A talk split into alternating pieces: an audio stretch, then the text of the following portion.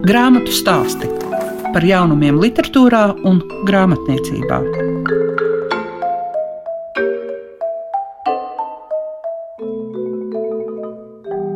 Cerams, ka arī tuvojoties gada nogalei, savs mirklis paliek tām emocijām, kas saistītas ar izlasītu labu grāmatu. Tā jums saka Liega Piešiņa, un šīs dienas raidījumā jūs varēsiet dzirdēt Gunitu Lagsdiņu, kura iepazīstinās ar savu jaunāko darbu romānu Pareis laiks, Vija Laganovska skaidros, kas ir viltus saules un ko mēs varam izlasīt ar šādu nosaukumu viņas rakstītajā romānā, kā arī ciklā vērtē lasītājs par Jūra Strengas un Ilonas Brūveres kopdarbu Mana grāmatvedība. Grāmatu stāsti programmā Klasika. Pirms pieciem gadiem pie lasītājiem nonāca stāstu krājums Spēlītis, tad vēl pēc pāris gadiem ieraudzīt varavīksni. 21. gadā dienas gaismu ieraudzīja arī Gunitas Slagsdiņas debijas romāns Lāde vaļā. Mūsu sarunas tēma it kā ir jaunākais veikums, un jaunākais romāns ir ar nosaukumu Pareizs laiks. Bet, Gunit, jūs esat tādu diezgan sāpīgu jautājumu uz grāmatas pirmā vāku uzlikusi, vai ar aizlaustiem spārniem iespējams lidot? Nu, vajadzēja. Man visām grāmatām ir kaut kāds tāds paziņojums vai āķītis, kas mudina to grāmatu, vismaz es tā ceru, mudina paņemt rokā un, un iedziļināties. Un, Nu jā, lai būtu interesanti lasām, jau bez tās drāmas jau neiztikt. Un tā arī dzīvē mums ir gan labās dienas, gan sliktās, bet nu, vairāk jākoncentrēs uz tām labajām. Bet, lai tās labās novērtētu, vajag arī, lai dzīvē kāds grūtumiņš un sliktumiņš ir. Jā, tas ir kā dramaturģijā, jā, jā, tā nevar tā. iztikt. Romāns jau tāpat dramaturģija ir. Kā jūs izaugāt no stāstiem uz romānu? Tas bija tā organiski, vai kāds jums to ieteica, vai kā tas bija? Sāku ar stāstiem, kas nebija īsie stāsti, bet garie stāsti, jau tāds pussolīts līdz romānam. Ļoti bieži man lasītāji teica, nu, ka gribas turpinājumu, vai raksti garāk, tik ātri izlasījās, ka gribas kaut ko garāk, bet nu, es saku, man neatnāk. Es rakstu, rakstu, ceru, ka būs tas romāns, un nav. Un, un atkal atnāk stāsts, un, un tā es eh, ieraudzīju, ka zvaigzne ir izsludinājusi romānu konkursu. Es domāju, nu, šoreiz vajag. Un tad es pabišķim, pabišķim piebūru un sanāca romāns. Un tāpat rakstot arī pareizo laiku, kad sākas, protams, nezināju, kā tas viss izvērsīsies, vai būs atkal stāsts vai romāns. Sanāca atkal romāns, tā kā varbūt ir atvērusies kāda čakra. Bet kā jums pašai liekas, kas ir tā lielākā starpība starp stāstu un romānu? Nu, tā distance, tas biezums, jā, jo, jo nav vairs tik stingri tie kanoni, ka vajag daudz varoņus, vajag ilgu laiku posmu un vēl viss, kas tur tam romānam ir paredzēts. Tagad varonis var būt pat tikai viens, darbība var norisināties, nezinu, stundas laikā, ja vien autors var aizpildīt to apjomu, un arī pats tas apjoms jau ir, ir taču romāni, kas ir tāda, nu, grāmata ir mazā pirkstiņa resnumā, un ir tāda ritīgi ķieģeļi. Nu, jā, tas apjoms, man liekas, ir vienīgais, kas ir palicis no romāna vecajiem kanoniem spārniem. Bet par šiem aizlaustajiem spārniem un iespēju lidot, tas ir par mūsu laiku sievietēm. Jā, nu, par jebkuru laiku, jo tas problēmas jau ir no aizvēstures līdz pat mūsdienām. Nekas jau nemainās. Cilvēki grib mīlēt, un grib mīlēt, un grib būt mīlēti. Tas viss jau ir kopš aizvēstures, nekā jauna.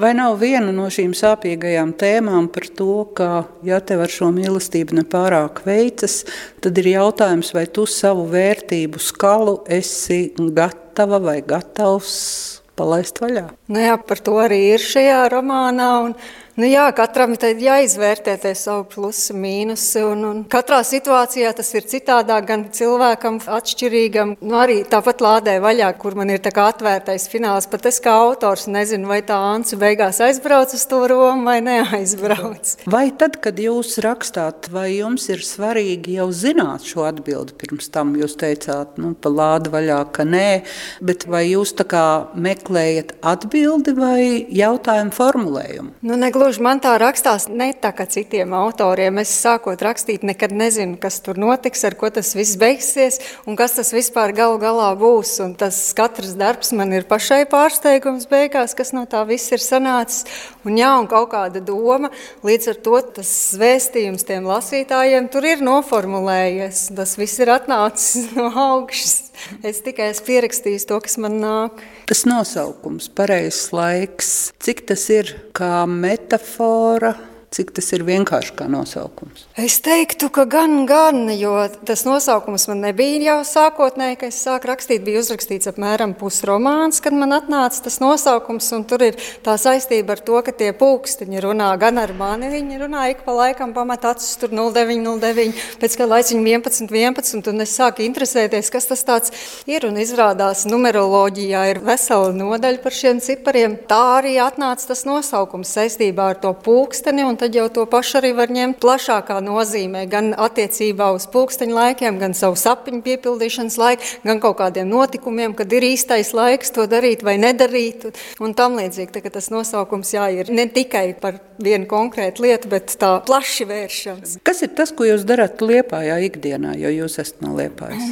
Es esmu žurnālā literārā redaktore, un pārējā laikā principā daru to pašu, rediģēju un koriģēju, tikai pie manis nāk autori, tie, kas grib izdot savus grāmatas, nāk ar saviem manuskriptiem, un tad es slīpēju viņu dārgakmeņus. Vai tad, ja tas jau ir darbs, un to nākas darīt ar citiem cilvēkiem, kur radoši strādā, vai tad pašai uzrakstīt ir grūtāk vai vieglāk? Nezinu, es tā neesmu vērtējusi, bet ir, kad citreiz kāds teksts trāpās, un es esmu, nu, kaut es šitā mācētu uzrakstīt. Nu, es rakstu citādāk, un katram ir tas kaut kāds savs tas knifiņš, savs stils un, un savs kaut kas, kas padodas labāk nekā citiem vai citādāk nekā citiem. Cenšos baigi sevi kompleksos nedzīt ar, ar to, ka kāds tur varbūt raksta labāk. Nu, es rakstu kā es.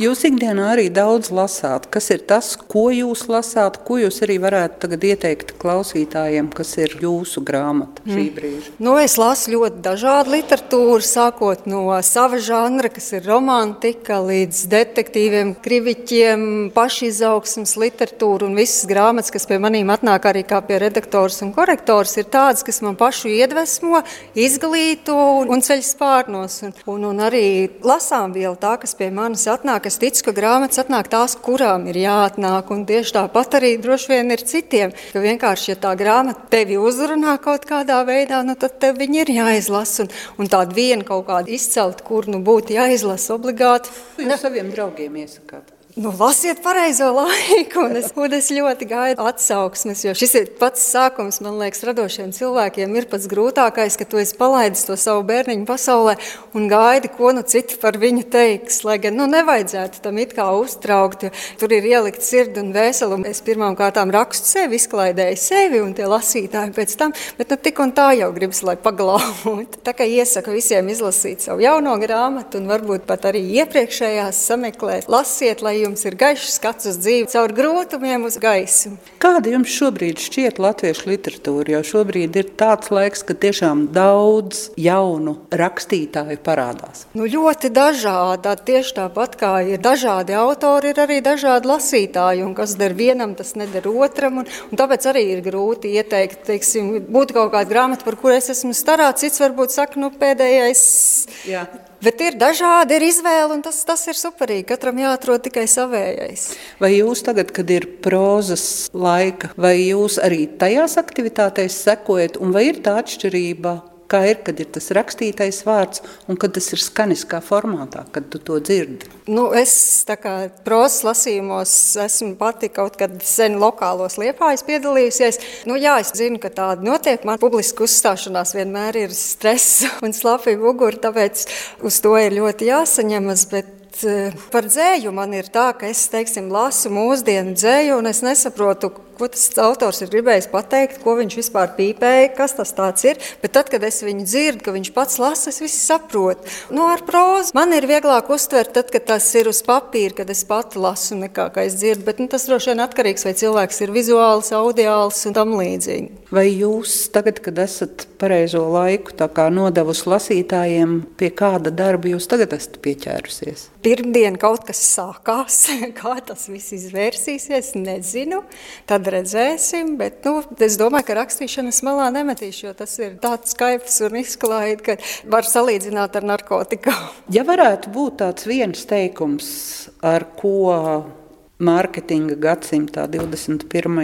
jūs uzrunājat tos, kas domā, nu, to gunitu lagzdiņu, viņas pareizo laiku, vajag atvērt vai nē? Es domāju, ka mūsu šajā laikā ar visu Ukraiņas kontekstu, kad ir apkārt tik daudz negatīvā, tik daudz drūmā un tik daudz tādu, ka tev gribas norakties sūnās un nebāzt ragus ārā, ka, ja jums gribas kaut ko patiešām gaišu, sirsnīgu, humoru pilnu un, un tādu, kas, kas parāda to gaismu, tuneļa galā to cerības stariņu iedod, kad dzīvē sapņi piepildās, nu tad ņemiet pareizo laiku un lasiet. Grāmatu stāsti tiem, kam grāmatu lasīšana ir vērtība.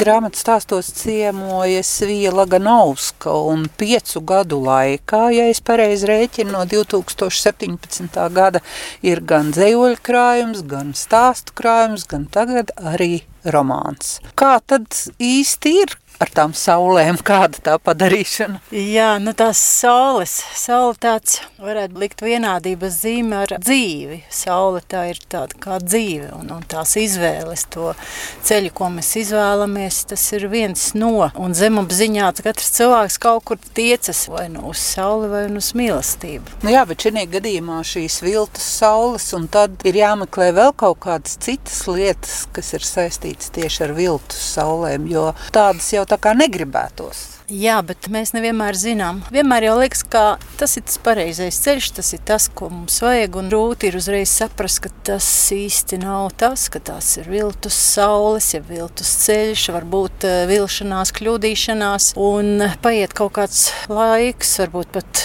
pusdzīve vai visa dzīve ka mēs saprotam, jā, tā ir tāda milzīga vilšanās. Ka mērķis nav bijis pareizs? Varētu arī tā teikt, ka mērķis nav bijis pareizs, ja tāds vispār tika izvirzīts. Tāda vilšanās sajūta. Tas, vai to mēs pieskaitām šim te viltus ceļam, vai tomēr eh, tas ir tas, kāpēc mēs esam gājuši un, un lai taptu tādi, kādi mēs esam, varbūt tas ir bijis vajadzīgs.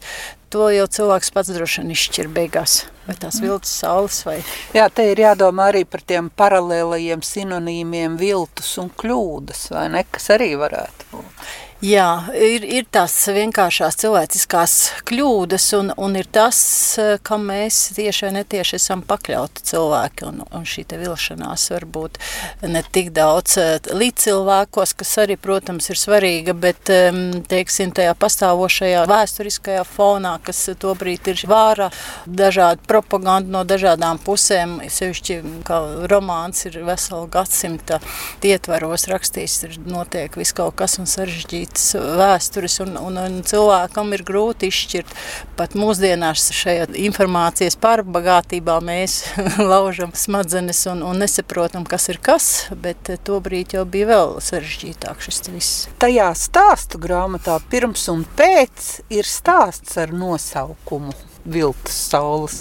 Kā tad tas tā attīstījās? Viss? Jā, varētu teikt, ka paralēli šim stāstu krājumam tapa arī romāns, jo šis stāsts tika uzrakstīts, nāca tāda asociatīva sajūta no kādas fotogrāfijas, kur bija kāds draugs ielicis Facebookā fotogrāfiju, kur bija šī dabas parādība nofotografēta, un te īstajai saulē bija priekšā koks, Un tad tā sajūta bija tāda interesanta, tādas divas mazas saulītes. Nu, un, šī fotografija radīja tādu milzīgu man pašai sajūtu, izjūtu un, un domu mākoni, no kuras joprojām netieku. Un es domāju, ka šo jautājumu viltus saules varētu risināt droši vien visu dzīvi.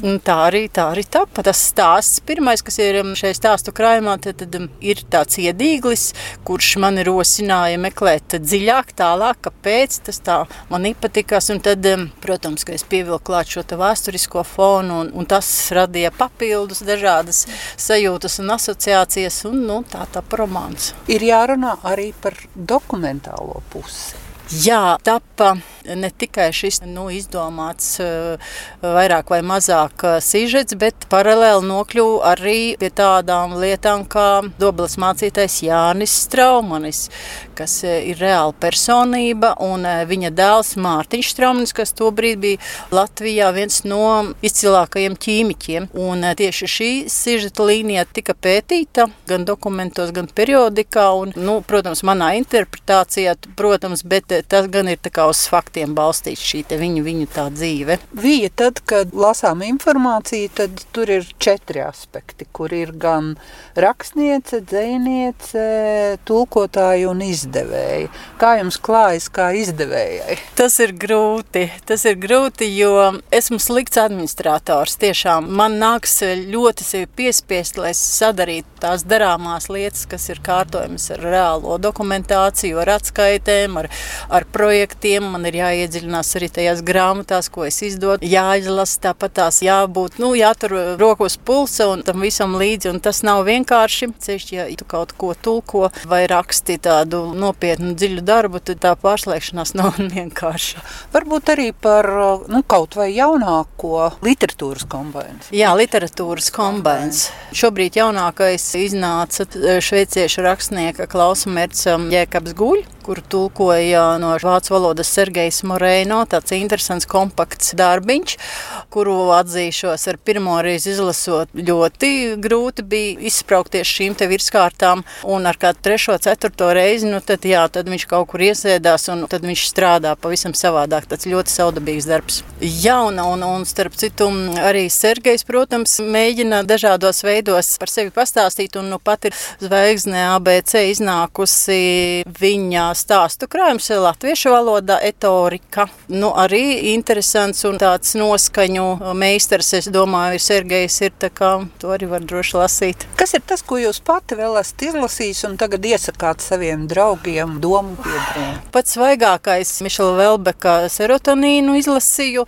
Kādēļ viņš man tagad tieši atnāca atmiņā šī te visa ažiotāža ap, ap mākslu un, un arī Rotko centru un, un iedomājos, jā, jā, Velbeks arī ir tās provokators, un tomēr gribētos teikt, ka zem šī provokatoriskā virslāņa ir kaut kas dziļāks un arī skaists. Tāpat arī serotonīnā šī mīlestības stīga, zaudētās mīlestības stīga un arī šī nopietnā Eiropas lauksaimniecības problēma parādās.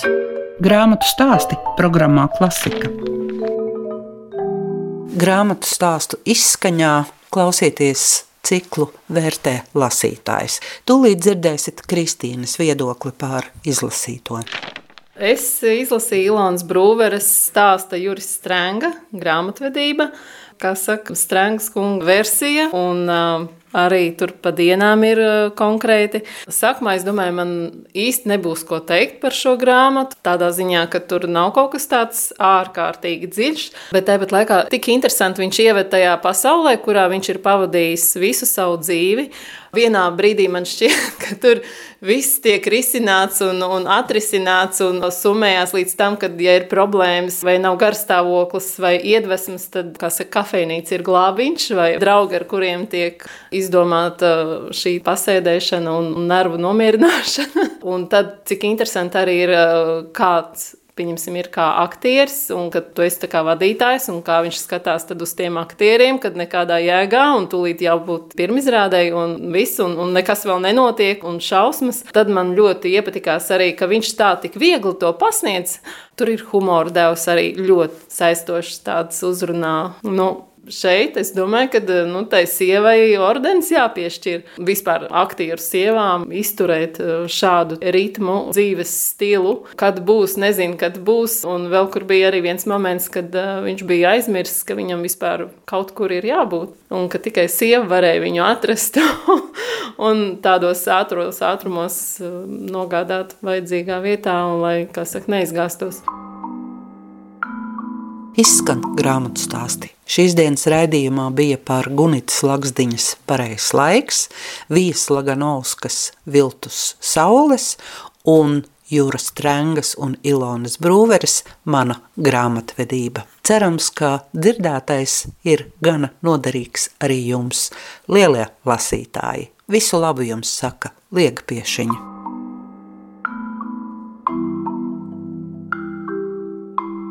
Grāmatu stāsti par jaunumiem literatūrā un grāmatniecībā ik trešdienu, 9.5. ar atkārtojumu Svētdien, 18.15.